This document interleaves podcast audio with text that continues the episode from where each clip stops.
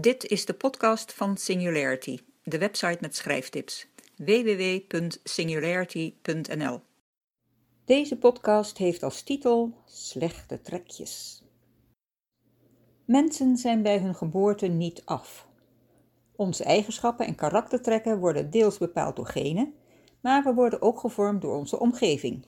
Cultuur, wat onze ouders, familie en vrienden zeggen en doen. De bubbels waarin je verkeert.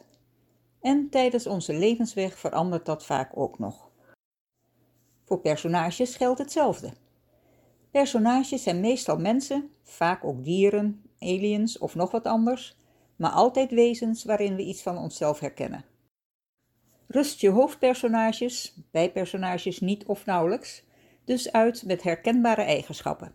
Niet alleen goede, maar juist ook slechte eigenschappen. Eén of meer minder goede karaktertrekken maakt je spelers menselijk en invoelbaar. Een personage kan nog zo aanbiddelijk zijn, zonder minimaal één minder fraai karaktertrekje of zwakheid is ze niet aantrekkelijk meer, net als bij echte mensen. Erger nog, zonder een tekortkoming is ze te perfect om waar te zijn. Dat maakt haar ongeloofwaardig en dat is de doodsteek voor je verhaal. Kleine karaktermankementjes zijn ideaal voor levensechte personages met wie je lezer zich kan identificeren. Iemand kan de neiging hebben met open mond te eten en zo van alles rond te sproeien. Eeuw. Of sluit elke zin af met hè? Of is tactloos. Laat mensen niet uitpraten. Luistert niet. Wil zijn zin doordrijven.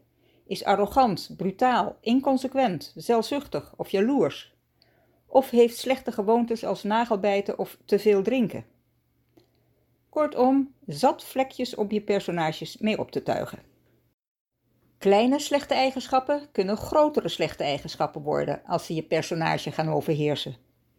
Neem bijvoorbeeld hebzucht. Iemand die het laatste koekje in de trommel voor een ander zijn neus wegkaapt, is toch minder gevaarlijk dan een multinational tycoon die zijn begeerige oog op een concurrent laat vallen dienstbedrijf opkoopt en de werknemers op straat schopt. Naast kleine eigenschappen die uit de hand lopen, zijn er ook eigenschappen die alleen als groot en verontrustend bestaan. Moorddadigheid, nietsontziende ambitie, racisme, grootheidswaanzin, enzovoort. Grotere slechte eigenschappen zijn ideale middelen om je personage in de problemen te laten komen. Diens karaktertrek is dan de oorzaak van het conflict, de basis van de plot.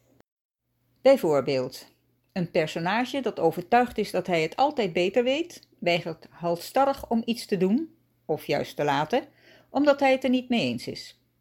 Ook als de situatie daardoor van kwaad naar erger gaat en noodlottig kan aflopen.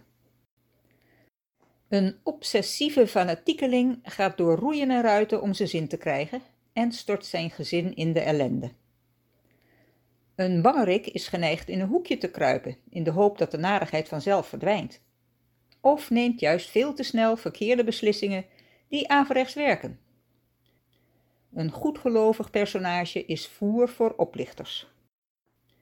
Een personage dat zwelgt in drama's en iets te weten komt dat niet voor zijn oren bedoeld was, misbruikt die informatie voor wat reuring in de tent.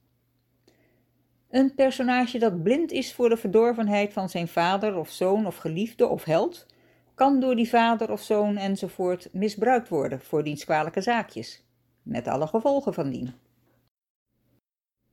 Net zoals een personage niet alleen maar goed moet zijn, moet hij of zij ook niet alleen maar slecht zijn, behalve 007 slechterikken. Die positieve trekjes hoeven niet direct onthuld te worden. Dat kan later in het verhaal, bijvoorbeeld omdat het personage tot inkeer komt vanwege een dramatische, ontroerende, onthullende gebeurtenis. En zoiets kan ook een prachtige ontknoping van je slotscène zijn. Zelfs Darth Vader bleek tot moreel besef in staat. Ik ben aan het einde gekomen van deze podcast en ik wens je veel plezier met je imperfecte personages. Oh ja, vond je het leuk? Heb je er wat aan? Maak me dan blij door het te delen. Dankjewel.